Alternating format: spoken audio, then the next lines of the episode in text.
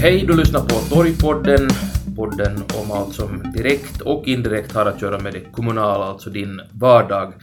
Du hittar oss på kommuntorget.fi, följ oss också på Twitter, at kommuntorget och gilla oss på Facebook.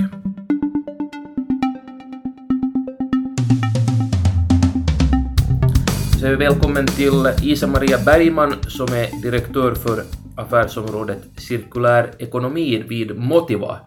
Motiva är ett statsägt bolag som sysslar med hållbar utveckling. Välkommen! Tack, tack! Det här med cirkulär ekonomi ska jag säga, det är ju ett relativt nytt begrepp så kanske vi lite behöver öppna upp vad det innebär. Vad är cirkulär ekonomi? Mm. Ja, det kan vara lite svårt, svårt kanske att greppa, greppa vad det är.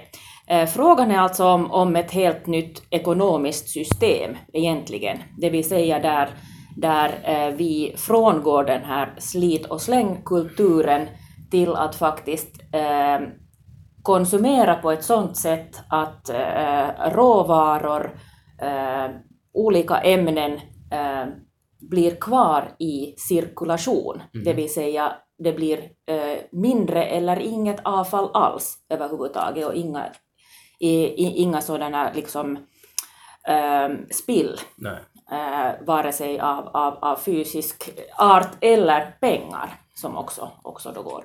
Och det här betyder ju att, att det här, eh, allt vad vi, vi konsumerar eh, och producerar så bör, bör ske på ett sådant sätt där vi faktiskt tänker eh, vilka slags material vi använder, eh, hur de produceras, varifrån råmaterialen tar, Eh, tas eh, och också på vilket sätt de utvinns. Eh, och naturligtvis så är ju tanken också att, att ehm, använda icke-fossila ehm, ämnen eller, eller så att säga sådana som är, är, är ehm, då, då bättre ur resurseffektivitetssynpunkt helt enkelt. Mm. Det som man ofta kanske tänker att cirkulär ekonomi är att det, det är återvinning. Ja. Återvinning är en väldigt liten del, en viktig men liten del av cirkulär ekonomi. Att, att, att det, det är kanske det man, man tänker, tänker själv som konsument också, att frågan är om, om återvinning och avfall. Men det är faktiskt frågan om ett, ett, ett en större omställning än så av, av hela det ekonomiska systemet. Vad, vad skulle du säga är den stora skillnaden mellan att, att återvinna till exempel tyger eller plast eller något sånt jämfört med den här stora bilden som cirkulär ekonomi är? Vad är, vad är liksom skillnaden? No, sen, den, den, stora bilden, det kanske ultimata är det att vi faktiskt ska tänka på om man överhuvudtaget behöver konsumera. Mm, okay. eh, och om vi behöver äga allt det vi äger idag, eh, om det finns andra sätt att så att säga eh, utnyttja ehm, eh, eller tillfredsställa de behov vi Exakt. då har. Just det, så det är mer så här att istället för att ha en egen bil så kan husbolaget ha en bil som alla delar på eller något liknande. Just så, och gärna ska den ju då, då eh, icke köra på, på fossila bränslen. Exakt. Men det här är ju spännande för att du nämnde alltså slit och slängkulturen då, för att det är ju så vi förstår egentligen vår moderna vardag, att det är ju det som den är uppbyggd på och konsumtionen är en otroligt viktig del av den här motorn som ska driva samhället framåt. Hur stor del av den rådande ekonomin har den cirkulära ekonomin? Eh, jag har inga siffror att ge dig här, men, men, men äh, inte så stor del. Är det, så är det ju. Naturligtvis, äh, eller särskilt kanske om man tittar globalt sett, mm. så är det ju just som du säger, att, att vår ekonomi, världsekonomin, snurrar ju på den konsumtionstrend och de vanor vi har anammat under, sen, sen industrialismen började mm. egentligen. Eh, och, och, det är därför jag säger också eh, att, att cirkulär ekonomi är en helt ny ekonomisk omställning. Just det, ja. Och, och det, det, är ju naturligtvis en ganska lång bit till ja. det ännu. Det är en stor skuta som ska vändas och det kan ta tid. Um, men det som vi främst ska prata om här idag är kanske det här med upphandling. Det här är någonting som du kan, om man tänker sig vardagen i kommunerna idag, hurdan typ av process är den här upphandlingen om man försöker placera in den på en svårighetsskala? No, kommuner är naturligtvis väldigt olika. Mm. Men, men så här, eh, kanske som ett, ett, ett, en, den gyllene medelvägen där, där kanske är ändå att upphandling är någonting som eh, man är tvungen att göra med ganska stor brådska. Det är åtminstone den bild vi får när vi får frågor, frågor gällande hållbar upphandling. Att nu, nu är det bråttom eh, och nu behöver vi snabbt hjälp med, med, med den här grejen som vi inte förstår. Och det, det kanske också visar på att, att det här um, det är lite uh, det finns att förbättra i planeringen av mm. upphandlingar uh, och, och kanske också förståelse för att, att, att det tar tid. Upphandling i sig kan vara svårt om man inte gör det eh, som ett heltidsjobb. Mm. Och, och, det är väl det som, som också präglar den offentliga upphandlingen, är att där finns, eh, där finns eh, personer som är, är, professionella upphandlare, alltså upphandlingsjurister eller, eller annars har en, en sån bakgrund. Eh, och, och så finns det sådana som gör det eh, som en väldigt liten del bland alla andra arbetsuppgifter. Och, och, då kan det nog vara ganska, ganska svårt att förstå eh, vilka alla regler som ska följas. Eh, får man prata med, med leverantörerna eller inte och i vilket mm. skede? Många sådana här ganska liksom basala frågor mm. egentligen som kan kännas, kännas ganska, ganska svåra. Eh, och sen är det ju naturligtvis den här tidspressen. Mm. avtalet, nuvarande avtal rinner snart ut och man måste liksom ha en ny leverantör ganska snart. Och, och, och sen, sen naturligtvis i, i den processen också då eh, tillgodose de eh, målsättningar som man har, har i, i kommunen. Eh, och också naturligtvis det behov, det behov man har för just det man ska upphandla. Befarar du att om det är så att kommuner tar kontakt med er för att de är, har tidspress och de behöver er hjälp, finns det då också kommuner som inte tar kontakt med er och kanske på grund av den här tidspressen inte upphandlar effektivt, till exempel ur en hållbarhetssynvinkel? Jag tror majoriteten är det här senare. Okay. Eh, det, det, är inte så att vi får liksom ehm, för mycket av de här kontakterna om man säger så. Eh, jag vill ju gärna eh, tänka så att det betyder att, att eh, mertalet skulle redan kunna ta hållbarhetsaspekter i, i, i beaktande. Men jag befarar att, att så inte är fallet, utan att, att då, då kanske man inte alls gör det, just för att, att, att man inte hinner med det och det, det är mycket att ta in. Eller så gör man det på ett, på ett sätt som kanske då inte är det mest optimala. Mm. Nå, vilka är de här aspekterna då som kommunerna enligt er borde beakta när de gör upphandlingar? Ja, om man pratar om hållbar upphandling, eh, hållbar, eh, hållbar upphandling eh, och egentligen hållbar utveckling har ju så kallade tre ben, mm. det vill säga den ekologiska, den sociala och den ekonomiska. Och, och i bästa fall så tas alla de här eh, aspekterna i beaktande, men ofta är det ju så att, att, att, kommunerna har sina egna målsättningar. Förhoppningsvis har de strategiska målsättningar som också styr upphandlingsverksamheten. Det, det är kanske ett av de största, eh, största också, också eh, ska vi säga, um, brister som vi ser idag. Att, att, att upphandling ses inte som ett strategiskt verktyg som det ju faktiskt är.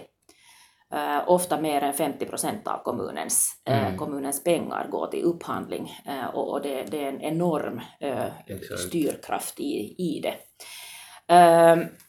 men det här, som sagt så har det tre ben och, och, och, det beror alltid på vad kommunen själv har för, för aspirationer, för slags strategiska målsättningar i, i olika upphandlingar.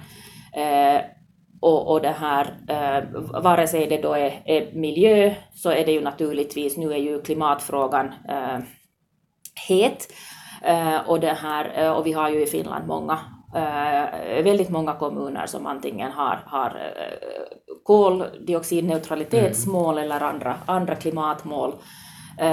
Också sådana som har, har anammat det här med cirkulär ekonomi.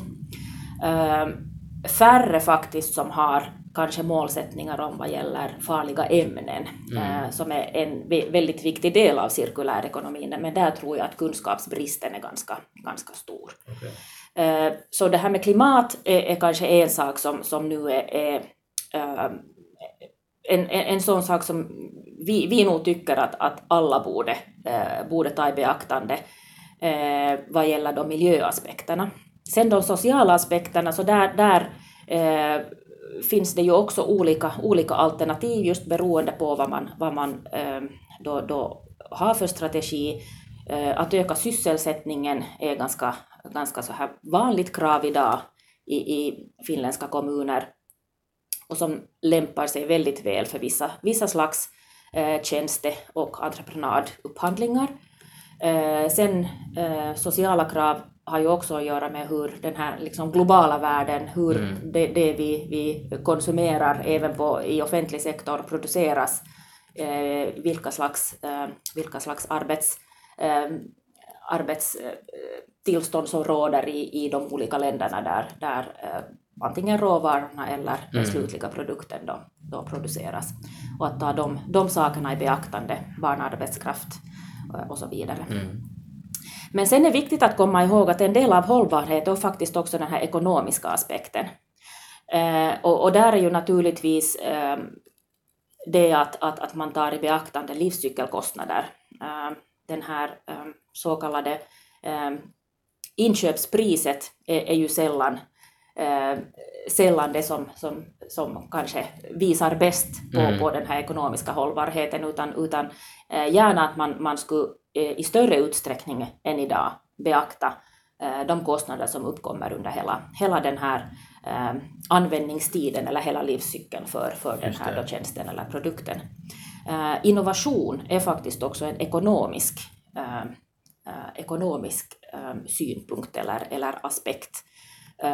Ju mer vi får nya, nya innovationer till stånd, så, så det bidrar till tillväxt och, och företag, uh, företagens tillväxt naturligtvis. Mm. Sen den här lokala eller regionala livskraften eller tillväxten är också en ekonomisk aspekt. Ja. Uh, och här kanske ofta kommer då de här, de här um, ska vi säga, um, att man, man kanske missförstår uh, vart vissa, vissa så att säga saker hör, vilken del av hållbarhet man egentligen främjar. Ja. Och, och närmat är väl kanske det allra bästa uh, exemplet på det här. Uh, närmat har, är, är ur ekologisk, det vill säga miljömässig synvinkel, inte bättre eh, om inte själva produktionen är eh, ekologisk. Okay. Just det. Så de här transportsträckorna eh, eh tillför liksom inte den här ekologiska Nej. hållbarheten. Det är så liten marginell del av en livsmedels eh, eh, så att säga miljöavtryck. Exakt. Så att det är rent diskriminerande i en upphandling. Däremot är ju närmat just en e-, ekonomisk mm. aspekt.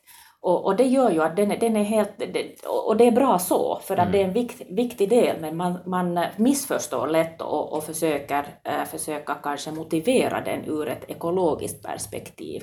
Och, och där går man lite fel. Just det, ja. okej, okay, intressant. Så att närmat är inte i sig bättre för miljön, den kanske bidrar mest till den här sysselsättningen och ur ekonomisk synvinkel är hållbar på så sätt. Absolut. Men inte övrigt. Absolut.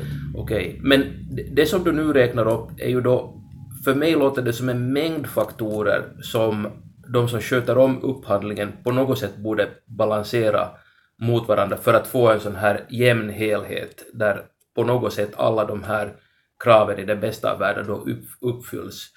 Uh, finns det liksom, är det här övermäktigt kommunerna eller finns det liksom exempel på framgång i det kommunala fältet när det handlar om att just klara av den här komplexa grejen?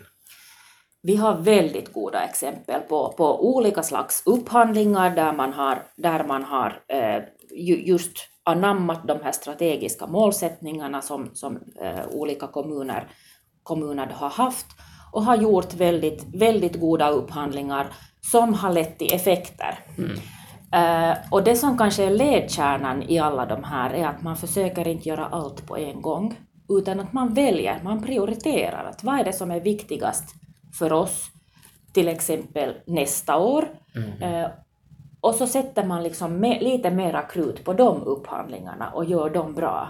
Och, och, och, särskilt om man, om man inte tidigare har, har ehm, jobbat så mycket med hållbar upphandling så är det jätteviktigt att börja smått. För att liksom hela personerna i fråga som, som jobbar med det här och också hela organisationen lär sig. Ehm, för att det är, en, det är frågan faktiskt om en, en, en sak där, där man måste samarbeta med och ha olika, olika kunnande med i, i projektteamet mm. för att göra en upphandling. Det är ingenting som ska falla på en människas axlar. Och, och, det är också viktigt därför för att det kan behövas då lite mera resurser och tid för att göra en, en bra hållbar mm. upphandling. Och, och handlar det på det sättet om att, att till en början komma in i de här rutinerna, kanske liksom en faktor åt gången och sen när man liksom kan det här så då börjar det på ett sätt rulla på lite av sig själv? Precis så är det. Okay. Så är det. Att man, ska, man ska börja med någonting. Till exempel, vi har många också äh, svenskspråkiga kommuner som har energieffektivitetsmålet med i, i det här äh, frivilliga energieffektivitetsavtalet mm.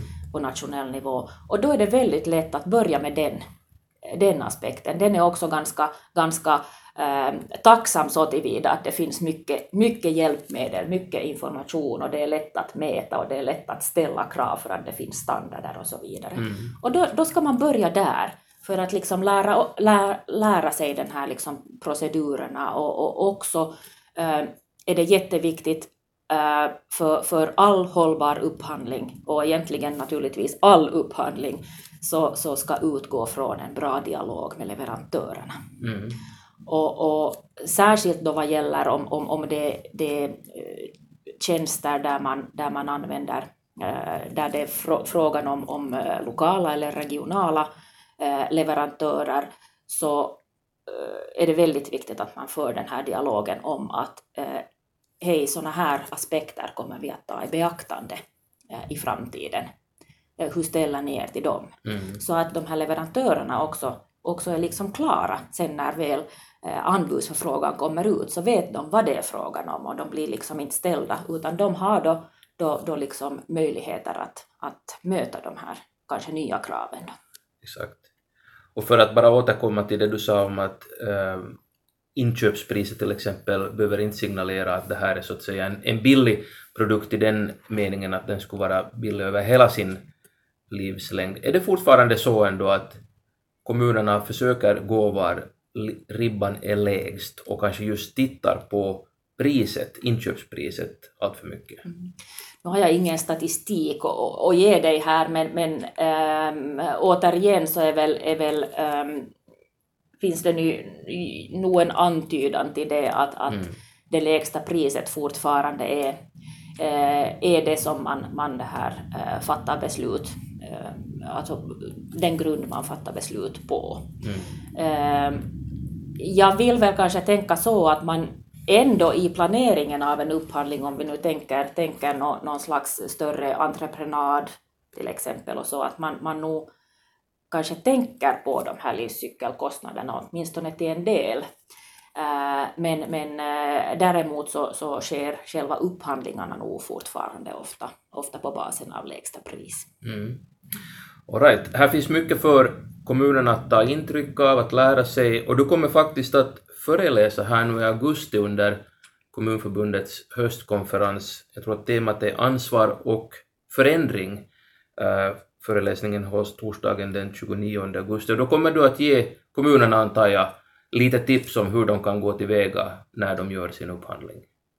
Eh, det kommer jag att göra. Eh, lite på det här just eh, utgående ifrån de här strategiska målsättningarna och kanske, kanske vikten av varför man faktiskt ska satsa på upphandlingarna.